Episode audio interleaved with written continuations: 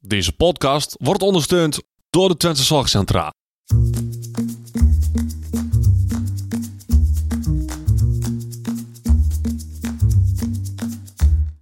Welkom bij de Out of the Podcast. De podcast waarin ervaringsdeskundige Thijs Vleer en orthopedagoog Odette Hageman samen kijken naar een leven met autisme. Goedendag allemaal en welkom bij aflevering 3 van de Out of the Podcast. Ik ben Thijs Vleer, ik heb autisme, ADHD en ik ben een LVB'er. Dat maakt mij ervaringsdeskundige. Tegenover mij zit niemand minder dan... Odette Hageman, Hey de gedragskundige. En vandaag gaan we het hebben over de Theory of Mind. Ja, afgekort naar Tom. Dus dat zullen we zeggen. En ik, af en toe gooi ik ook nog gewoon de Theory of Mind erin, want dat klinkt zo lekker slim. Ja. Ehm, even wat verduidelijking waarom we vandaag Theory of Mind doen. En dat heeft ermee te maken dat we de vorige keer hadden over centrale coherentie. Ja. Nu de Theory of Mind en de volgende keer over executieve functies. Omdat deze drie ehm, eigenlijk verklaringstheorieën zijn met betrekking tot autisme. Ja. Dat klinkt wel een beetje ingewikkeld, maar Ik denk als je erover begint dat het allemaal wel duidelijk Ja. wordt. Ja, we hebben, wij hebben onder, achter de schermen natuurlijk al gehad over de Theory of Mind en ook Ja. over wat het dan is. En dat het best wel ingewikkeld is om het op de juiste manier uit te leggen. Ja, dus wat ik even wil meegeven is pak even een goede koptelefoon, ga even in een rustig plekje zitten en ga even volle pollen luisteren, want dit is wel even eh, een stukje om je hoofd bij te houden. Ja, want de Theory of Mind gaat eigenlijk over ehm, het leren inleven in iemand anders. Dus het, het leren dat iemand anders andere gevoelens kan hebben, andere intenties ehm, dan je zelf hebt. Ja. En ehm, ik liet jou al een filmpje zien. En dat is een heel grappig filmpje. En dat heet- vanuit het false belief. En het false belief is eigenlijk het iemand voor de gek kunnen houden. En dat dat eigenlijk ontstaat ehm, op vierjarige leeftijd. Ja, nou, dat is inderdaad heel grappig. Het was een, een jongetje van drie. Ja. Die kreeg een, een, een doosje waar kreetjes op stond. Daar stond kreetjes op, maar daar zaten kaarsjes in. Ja. Eerst met dat doosje dicht werd aan het jongetje gevraagd... Wat zit hierin? Nou, kreetjes natuurlijk. Toen deden ze het doosje open. En toen zag hij dat daar kaarsjes in zaten. Ja. Nou, toen hebben ze een knuffel erbij gehaald. Sloopy. En... ehm, die werd erbij gezet en die werd gevraagd: Nou, wat denkt dat Sloopy eh, wat, wat, wat eh, er in die doosje zit? Nou, kreetjes, tuurlijk, want ik heb dat gezien, dus. Nee, hij zei kaarsjes. Oh ja, kaarsjes, sorry. Ja, ik ga Want al. ik heb dat gezien. maar ik heb dus- dat gezien, dus hij moet dat ook denken. Ja, want hij denkt dat kinderen tot drie jaar denken dat wat hun voelen en bedenken en wat hun overtuigingen zijn, hetzelfde is als wat andere mensen hebben aan overtuigingen. Ja. En toen kregen we dat meisje van vier jaar. Ja. En, En- dan werd hetzelfde trucje mee gedaan. Ja. En die werd toen gevraagd: Wat denkt dat, wat zou Sloopy denken wat hierin zit? Nou, die denkt dat hier kreetjes in zitten, want dat staat op het doosje. En dat is wel heel grappig, want als je dan nog verder gaat naar de vijfjarige kinderen, die, die vinden het eigenlijk al gewoon al een stomme vraag. Van, hoezo vraag je mij dit? Iedereen weet toch dat daar kruidjes in zitten, want dat staat op het doosje. Ja. En dat is eigenlijk een van de eerste stappen dat, eh, eh, bij de ontwikkeling van de theory of mind. Ja. En een andere is, wat je hebt, is de first order belief. En ik kan dat niet echt heel, niet vertalen, dus het- daar houden we gewoon die term zo. En dat is dat je ehm, kunt bedenken waarom iemand anders iets doet. Bijvoorbeeld, als ik buiten rondloop met een muts op, dan kan jij thuis bedenken: oh ja, Odette heeft een muts op, want het is koud buiten. Ja. Maar dat wordt natuurlijk al ingewikkelder als het zomer is en je hebt dan alsnog een muts op, want dan denk je: hoezo heb jij een muts op? Ja, stel je niet zo aan. En dat heb je ook nodig om je te kunnen inleven in de ander. Ja. En als laatste heb je de second order belief. En dat is de, het ingewikkeldste van allemaal. Is ehm, dat je een voorstelling kunt maken van wat een ander denkt. Ja, even een voorbeeldje van net. Ik eh, kom met een idee van de podcast bij jou. En ik heb al, terwijl ik naar jou toe loop, bewezen van, heb ik, weet ik al dat jij ehm, er een ander over, idee over gaat hebben dan ik. Zeg ik het nou goed? Ja, dat maakt het zo ingewikkeld. Want ik heb hier als voorbeeld staan. ehm, gewoon heel blanco. Ik denk dat jij denkt dat ik boos ben. Ja. Dus dan zou jij, als je naar me toe loopt, Ja? dan zou jij kunnen denken: ik denk dat jij denkt dat ik een stom idee heb voor de podcast. Ja. Op die manier. Dus dat is echt het kunnen denken over het denken. Dus jij denkt na over wat een ander iemand kan denken. Ja. En als je dat kunt, heb je alle drie de fases van de theory of mind doorlopen. Wat heeft dit met autisme te maken? Nou, dat is wel een mooie vraag dat je dat stelt. Ik pak even mijn andere tablet erbij. Want de voorbeelden die we nou gezien hebben zijn met kinderen waarvan wij weten zonder autisme. Ja, wat je altijd hoort is dat mensen met autisme moeite hebben in het inleven in de ander. Dus hun, ehm, bij hun is de theory of mind minder goed ontwikkeld. Dus ze kunnen minder goed eh, bedenken wat een ander iemand kan denken of voelt. Ja. Of gedachten aan heeft. Is dat ook eh, het voorbeeld van het weekend? Dat ik jou tegenkom in de tuincentrum en dat ik op dat moment niet zo goed weet eh, of ik wel goeiedag kan zeggen, omdat jij misschien wel denkt dat dat niet hoort of niet netjes is. Of dat ik dat gewoon heel lastig vind om überhaupt jouw goeiedag te zeggen. Maar dan, ik denk dat er ook nog een stukje onzekerheid bij je in zit. Omdat je. En jij weet wel wat, wat er van je wordt verwacht, wat de normen en waarden zijn. Ja. Dus je weet wel dat het normaal is om iemand hoi te zeggen. Maar. ehm maar in dit geval hadden wij ook nog niet eens... eh, jij zag mij nog niet. nee. Nee, maar ik denk dat het er nu ook komt. Wat je later ook tegen mij zei, was dat je het raar vond om mij daar tegen te komen. Ja, ik was, het was niet voorbereid. Ja, Ja. maar ik vond het ook helemaal niet logisch. Nee. Achteraf gezien was het heel logisch, want jij komt uit Enschede en gaat dus daar... Terwijl ik zoiets had van, ja, voor zijn wij in Haaksbergen, dus wat doe jij in godsvis zijn wij in Haaksbergen? Ja, we waren niet naast Haaksbergen. Ja, dan we gingen richting Haaksbergen. Tenminste, dat was mij verteld. Ja. Dus Maar de theory of mind hangt eigenlijk samen met emoties. Het kunnen herdenk- herkennen van emoties. Het kunnen benoemen van behoeften en wensen van jezelf. En dat is een van de dingen waar mensen met, een, met autisme gewoon heel veel moeite mee hebben. ja. Überhaupt het, het zelf ervaren van emoties, daar de juiste betekenis aan verlenen. Laat staan dat het nog over de emoties van een ander gaat.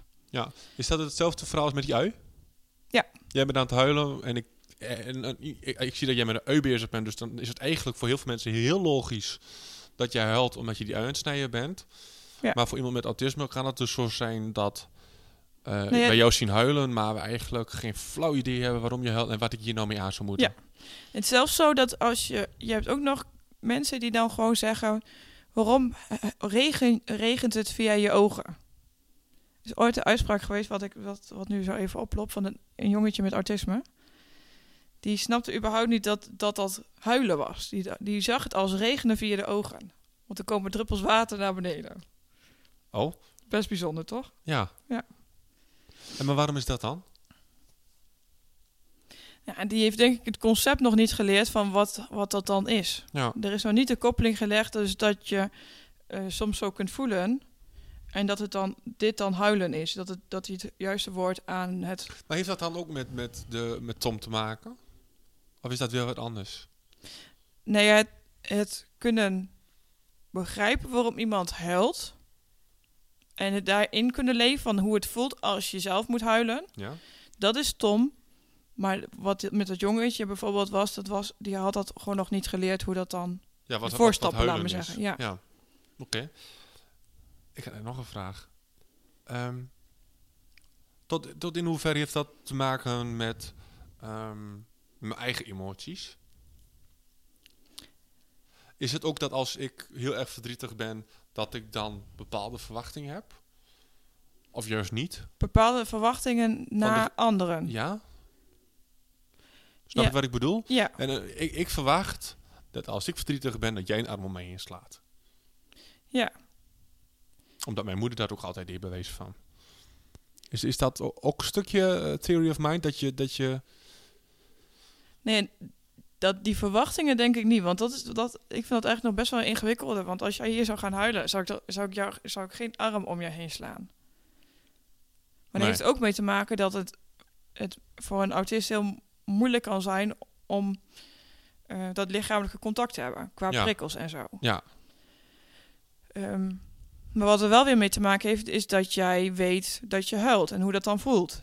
ja, En over na, daarna kun, over kunt nadenken van waardoor komt dit dan? Waarover ben ik dan verdrietig? En dat je dus een verschil weet dus tussen huilen en boos zijn en bang en blij. ja. En dat is Dus volgens het heeft mij... eigenlijk met na... De theory of mind heeft eigenlijk te maken met het gevoel, eh, met het inlevingsvermogen En dat, eh, dus dat je je kunt inleven op het gevoel van een ander. Kort samengevat. Niet alleen op het gevoel, maar ook gedachtes. Ja, ja oké. Kijk, bijvoorbeeld dat als ik... Ik ben nou, vegetarisch. Ik heb dus een bepaalde overtuiging over vlees. Ja, Maar ik weet inmiddels dat mijn overtuiging anders is dan jouw overtuiging over Ja. die van Jantje of Klaasje. Ja. Ik weet ook dat als ik, eh, als de vaderleeuw van Lion King naar beneden valt, dat ik dan moet huilen, omdat ik dat heel erg verdrietig vind. Maar Ja. ik weet ook dat jij daar misschien niet van hoeft te huilen. uh, jawel. Nou. Ja, maar goed. Maar dat, is de, dat leer je dus tijdens de theory of mind. En het duurt volgens mij tot je, tot je zes bent, tot een kind zes is, voordat dat helemaal volledig is ontwikkeld. En je ziet dus dat bij eh, kinderen met een verstandbeperking die hele ontwikkeling niet wordt doorlopen. En is dat dus niet per se met autisme? Dus sowieso met een eh, verstandelijke beperking? Bij bij verstandelijke beperking is het ook, maar dat heeft het mee te maken omdat de ontwikkelingsleeftijd van de, de, ja, de ontwikkelingsleeftijd altijd achterblijft ten opzichte van de kalenderleeftijd. Ja. Maar bij autisme, als je puur kijkt naar autisme, dan kun je natuurlijk ook autistisch zijn zonder dat je verstandelijke beperking hebt. ja. En dan eh, doorloop je hem ook niet helemaal. Want eh, je hebt mensen met autisme, hele bekende mensen zelfs. Dus er was zelfs van Einstein beweerd dat hij Asperger had. Ja. Had hij dan ook een sociaal-emotionele achterstand? Wel op dit vlak, denk ik wel. Want ook bij als mensen met Asperger, meestal zijn die zijn ehm, chirurgen, asper, of die hebben vaak Asperger. Echt die, die eh, een hele specifieke operaties doen met heel veel details en zo. Ja. Die hebben vaak Asperger, die zijn heel goed in hun werk, maar die moet je geen consulten laten doen. Dat kunnen ze gewoon niet. Omdat ze dan te veel sociale... Nee, die kunnen zich niet inleven in hun patiënt. Nee, die, die zouden dus gewoon zeggen waar het op staat. Ja, en niet... dus dan zit je tegenover iemand en als je dan bijvoorbeeld iemand moet gaan vertellen dat hij kanker heeft en ongeneeslijk ziek is, dan hebben wij, als je, of als je dan je theory of mind helemaal hebt ontwikkeld, heb- ben je nog enigszins in staat om te bedenken dat het vrij heftig is voor de andere persoon. Dan, Dus je empathie is wat meer ontwikkeld dan. ja, Ja. dus dan ben je in staat om te zeggen, nou wat ik u nu ga vertellen gaat, niet, gaat u niet fijn vinden. Terwijl iemand met Asperger waars- waarschijnlijk zou zeggen, Ja, je gaat u door. heeft kanker, u heeft nog maar twee weken te we- leven, u gaat dood. Ja. Dus ja, Dus ehm, voor, dit, voor als jij hier wat meer over wil weten, is het dus heel goed om de Good Doctor te gaan kijken. ja, die heb jij wel gezien, die heb ik nog niet Heb je die gezien. nog steeds niet gezien, Odette? Nee. Strafpunten. Nee, maar dat moet je wel een keer gaan doen. Ik denk dat in, in, in het, helemaal in het, in het eh, stukje van eh, dit, dat, het, dat daar heel veel mooie voorbeelden in zitten in het eh, niet kunnen hebben van een inlevingsvermogen. Ja. En uiteraard, het, de Good Doctor is gigantisch uitvergroot. En, maar ik denk dat als je dat door kunt zien, dan... Ja. Dat je dat wel... En het is natuurlijk zo, en dat is ook bij jou, dat ehm, ondanks dat die theory of mind niet volledig is ontwikkeld, of de beper- beperkte vermogens daartoe zijn, dat iemand nog wel heel erg inlevend kan overkomen. Want Doordat het aangeleerd is, zeg dan heb dan, want mensen leren trucjes, laat maar zeggen, om dan ehm, wel op dat vlak tegemoet te komen aan de ander, omdat, ja, omdat we dat eigenlijk van iedereen verwachten, dat op het moment dat je huilt, dat dan iemand je gaat troosten. Ja.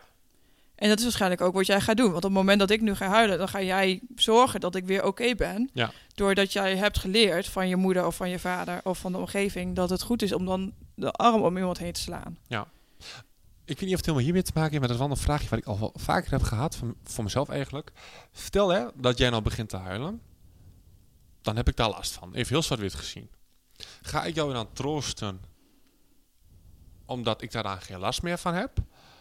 Of ga ik jou echt troosten om ehm, dat jij verdrietig bent? Want dat, die vraag heb ik mezelf heel vaak gesteld, maar ik heb weet- mezelf daar nooit geen antwoord op kunnen geven. Ik weet niet of ik daar een eenduidig antwoord op kan geven. Want wat jij zegt, je hebt er last van omdat het niet zo gaat zoals jij gewend bent, denk ik. Het is een onverwachte situatie die opeens ontstaat. Ja. Over emoties waar je niet zo heel veel mee kunt. Ja, en ik zou... Dus die, dat, daarvan wil je als dat jij het nu in één ophoudt. zou gaan huilen, zou ik ook zoiets hebben van... eh, waar komt dit dan weer weg? Maar je wilt liefst dat het meteen ophoudt, zodat het weer is zoals het altijd is. En dat we weer door kunnen. Ja. Ja. Ehm, Maar ik betrap me er wel eens op. Helemaal als ik zelf wat slechter te pas ben. Ja, maar dit is even een dingetje. Ehm, slechte pas is Twents, mensen. En wij hebben besloten dat we dat gewoon gaan gebruiken. Want ehm, we betrappen ons er zelf te vaak op. Eh, slechte goed te pas is dat je gewoon prima in je vel zit. Slechte Ja. pas is het tegenovergestelde Ja. daarvan. Wend er maar aan. Ehm, sorry, terug naar het onderwerp. Eh, help even. Ja, jij, jij was mij al aan het onderbreken. Want we hadden, jij stelde mij de vraag van doe ik het... ehm, doe ik iemand troosten omdat ik wil dat het ophoudt? Of doe ik iemand troosten omdat diegene ook echt belangrijk voor me is... en ik diegene ook echt wil troosten? Ja, Maar daarin zeg je ook wel weer... want ik zei, aan de ene kant wil je dat het ophoudt... dus dat het klaar is en dat dingen weer zo zijn zoals ze altijd zijn. Aan de andere kant kan het wel zo zijn dat als iemand echt belangrijk voor je is... en je met diegene ook een, een relatie hebt opgebouwd... dat je ook daadwerkelijk voor diegene wil zijn. Omdat je weet dat die ander dat prettig vindt. Ja, want ik zat inderdaad even terug te denken. Als ik bijvoorbeeld mijn zus of mijn moeder of mijn vader zie huilen, dan is het inderdaad. ehm en dan zie ik wel dat papa of Nienke erbij staat, maar dan heb ik wel. Hè, dat zou ik dus weg kunnen lopen, want er is al iemand. Dan heb ik wel de drang om daarbij te blijven. En ik denk, als jij hier zou gaan huilen en eh is- er zit hier iemand bij en die zal bij jou gaan staan, dan zal ik zorgen dat ik ehm er geen geen last last- meer ja. van heb. Ja, maar dat is denk ik ook de antwoord op je vraag. Het ligt eraan hoe goed je diegene kent. Als je diegene goed kent, dan weet je dat er van jou wordt verwacht dat je daarbij blijft en dat je er bent voor diegene, omdat je dat hebt geleerd. Ja, En als je diegene niet goed zou kennen, dan zal je waarschijnlijk die situatie gewoon uit de weg gaan. mits het niet anders kan, omdat het sociaal gezien dan misschien wel heel erg raar is. Ja. Het zou best raar zijn als ik nou in één keer weg zou lopen als je hier begint te huilen. Ja. Dan is het nog wel te, voor mij nog wel te begrijpen, maar voor een ander die zal echt denken, wat voor asociale lul ben jij? Ja. Dat heeft trouwens helemaal niks met Theory of Mind te maken, dit, maar ik vond het wel even heel interessant. En ik vind dat ook wel een keer... Nee, het heeft heel veel met theory of mind te maken. Omdat Wel? je eigenlijk... Ja, want het hele inleven en zo is iets voor jou wat, wat gewoon heel lastig is. Ja. En waarvan je dus zoiets hebt van de- die situaties, als je die kunt ontwijken, dan ontwijk je ze het liefst. Omdat ze een beroep op je doen waar jij eigenlijk niet zo goed van weet wat je ermee moet. Omdat je... Kijk, voor mij is het... Die empathie, die is bij mensen met autisme gewoon minder goed ontwikkeld. Ja. En het- er is dus een verschil tussen het, on- het vermogen hebben om die theory of mind toe te passen en het aangeleerde gedrag wat je dus hebt. Ja, van, wacht, ik zie iemand huilen, eh daar moet ik naartoe en dan moet ik gaan vragen wat ik kan doen. Of ze een glaasje water wil, of dat ze een, een knuffel Ja. wil. Of, Maar dan weet je alleen maar omdat je dat hebt gezien, hebt ervaren, ja, voorbeeldfunctie van andere mensen. Ja. Daardoor weet je dat. Als, je dat. als men dat niet bij jou had geleerd, dan was het anders geweest. Hetzelfde dat jij dus hebt geleerd dat je mij aan moet kijken, Ja. maar dan niet in de ogen, maar dan ergens anders iets anders zoekt waar je me dus mag op... ik het vertellen? Je mag het vertellen. Ehm 9 van de 10 keer als ik Odette aankeek, keek ik haar niet aan, maar Odette heeft een, een, een, een litteken boven haar linker wenkbrauw. En 9 van de 10 keer keek ik daarna, omdat me dat gewoon veel minder energie kost. Maar betrap me de laatste tijd wel op, sinds ik jou dat verteld heb, dat ik het niet meer durf. Omdat ik veel te bang ben dat jij ehm, dat door gaat hebben en dat je dat in één keer raar gaat vinden of zo. En ik merk nergens wat van. Nee. Maar wat je net nog wilde zeggen, was... Toen begon je over dat goed te pas, slecht te pas. Ja. Is dat je zei, als ik slecht te pas ben... Ja? En daar kwam verder niks meer achteraan. Ja. Dus je had daar iets mee... Kun je daar nog terughalen of of is het weg? Het is weg. Oké. Maar ik ga het zo meteen terugluisteren en misschien plaag ik het er zelf nog even tussen. Nee, Dat denk ik niet. Maar goed. Ehm, wat we aan het eind van de podcast doen, want dan zitten we alweer op... eh, ja, nee, dat is niet helemaal eerlijk, want we hebben natuurlijk ook een stukje volgeluld. Ja. Hebben we alles verteld? Nou ja, ik wil eigenlijk nog één voorbeeld geven. Oké. Oh ja, een opdracht voor de mensen thuis, hè? Nou ja, niet de opdracht, maar de- we hebben, je hebt een TOM-test. Ja? En ehm, Waar kan ik die vinden? Oh, die zetten we wel even op de site. nee, die kun je niet vinden. Oh. Maar je hebt wel de Sally en Ann proef. Die kun je wel even op de site zetten. Ja? Ja. Maar, Maar hoe zoek... Nou, oké. de, Ja? de TOM-test is een officiële test die orthopedagogen en psychologen af kunnen nemen bij Ja. kinderen om te zien in hoeverre hun TOM is ontwikkeld. Welke bouwstenen je wel of niet hebt. Ja. En ehm, we hebben het over die second order belief gehad, over dat denken over denken. En we hebben het wel een soort van helder gekregen, maar ik heb hier een voorbeeld die ik ga voorlezen uit die test. En dan heb je een idee hoe het wordt getest en waar het eigenlijk een beroep op doet. Ja. Ehm, er zitten plaatjes bij, dus af en toe eh, klinkt het misschien een beetje raar. Dit zijn de broers Michel en Peter. Michel en Peter houden van voetbal. Ze gaan voetbalplaatjes kopen. Ze besluiten een wedstrijd te houden. Wie het eerste bij de sigarenwinkel is waar je voetbalplaatjes kunt ko- kan kopen. Michel gaat rechtsaf, Peter gaat linksaf. Michel komt onderweg Karen tegen, een meisje uit zijn klas. Zij vertelt tegen Michel dat hij beter naar de supermarkt kan gaan, omdat daar de voetbalplaatjes heel goedkoop zijn. De supermarkt ligt vlak in de buurt van de sigarenwinkel. Weet Peter dat Michel Karen heeft gesproken? Nee. Oh, goed. Michel ontdekt plotseling dat hij zijn geld is vergeten en rent terug naar huis. Ondertussen komt Karen Peter tegen en zij vertelt Peter over de goedkope voetbalplaatjes in de supermarkt. Karen vertelt verder tegen Peter dat ze Michel net tegengekomen is en dat ze ook tegen Michel heeft verteld dat de voetbalplaatjes in de supermarkt het goedkoop zijn. Peter bedankt Karen en loopt naar de supermarkt. Michel is thuis geweest, heeft zijn geld opgehaald en is weer teruggerend. Dan ziet hij Peter. Waar denkt Michel dat Peter de voetbalplaatjes gaat kopen? In de sigarenwinkel. Heel goed, Thijs. Je bent geslaagd. Yes. Want Michel weet natuurlijk niet dat Karin met Peter heeft gesproken over de goedkope vo- voetbalplaatjes in de supermarkt. Ja. Maar moest wel heel erg mijn best doen. Het was heel erg logisch redeneren wie nou Michel en Peter was. Want ik wist even niet meer wie Michel en wie nou Peter is. Nee, dat snap ik. De- die namen zijn dan wel ingewikkeld. Maar dan gaat het dus over wat iemand anders denkt over het denken van een andere persoon. Ja. Dat is de theory of mind. Oké. Wat we ook altijd doen dan... Is dit, is dit het laatste? Ja. Sorry. Wa- wat we ook altijd doen is even de voordelen en de nadelen aan, aan eh, van bekijken. Ik moet zeggen dat ik genoeg nadelen heb gevonden. Heb, ja, voordelen zijn... Wat zijn de nou, het voordeel is dat je dus gewoon prima asociaal op kunt stellen. Van, eh, je komt iemand tegen die is aan het huilen of die is boos en die kun je gewoon blokkeren. En je zeggen, ja, sorry, Kan ik niks mee. ik heb, ben autist. Ja, ja, maar joh. Ja, dat, is wel is eh, niet zo'n heel fijn voorbeeld. Ja, plus je denkt misschien iets minder lang na over wat andere mensen zouden kunnen denken, omdat je daar niet over na kunt, denkt. Zo. Kun je nog vaker zeggen, denk je? ja, maar ik doe dat dus wel. Dus dat vind ik dan ook wel een beetje... ehm, ik vind het heel belangrijk wat mensen van me vinden. Is dat dan ook een theory of mind? Nou ja, dat wou ik dus zeggen. Je hebt, je hebt zo'n. Het is ook een grijs gebied of zo. Want het is als jij heel onzeker bent over jezelf, ga je, heb je daar altijd ook gedachten over dat mensen iets over je kunnen denken. Ja. Over of ze, of, je, of ze je shirt wel mooi vinden, of je haar lelijk vinden zitten. Waarom en dat begin over mijn shirt of mijn haar? Nee, ik heb het Nee, over mijn haar en jouw shirt. Oh. Nee, oké. Maar, ehm, Dus het heeft eigenlijk meer nadelen dan voordelen. maar het is dus niet per se een, een, een 100% vereiste om het stempeltje autisme te kunnen krijgen. Nee, het is een van de dingen waardoor mensen met autisme meer moeilijkheden ervaren in hun dagelijks leven. En in sociaal contact. Vooral in sociaal contact.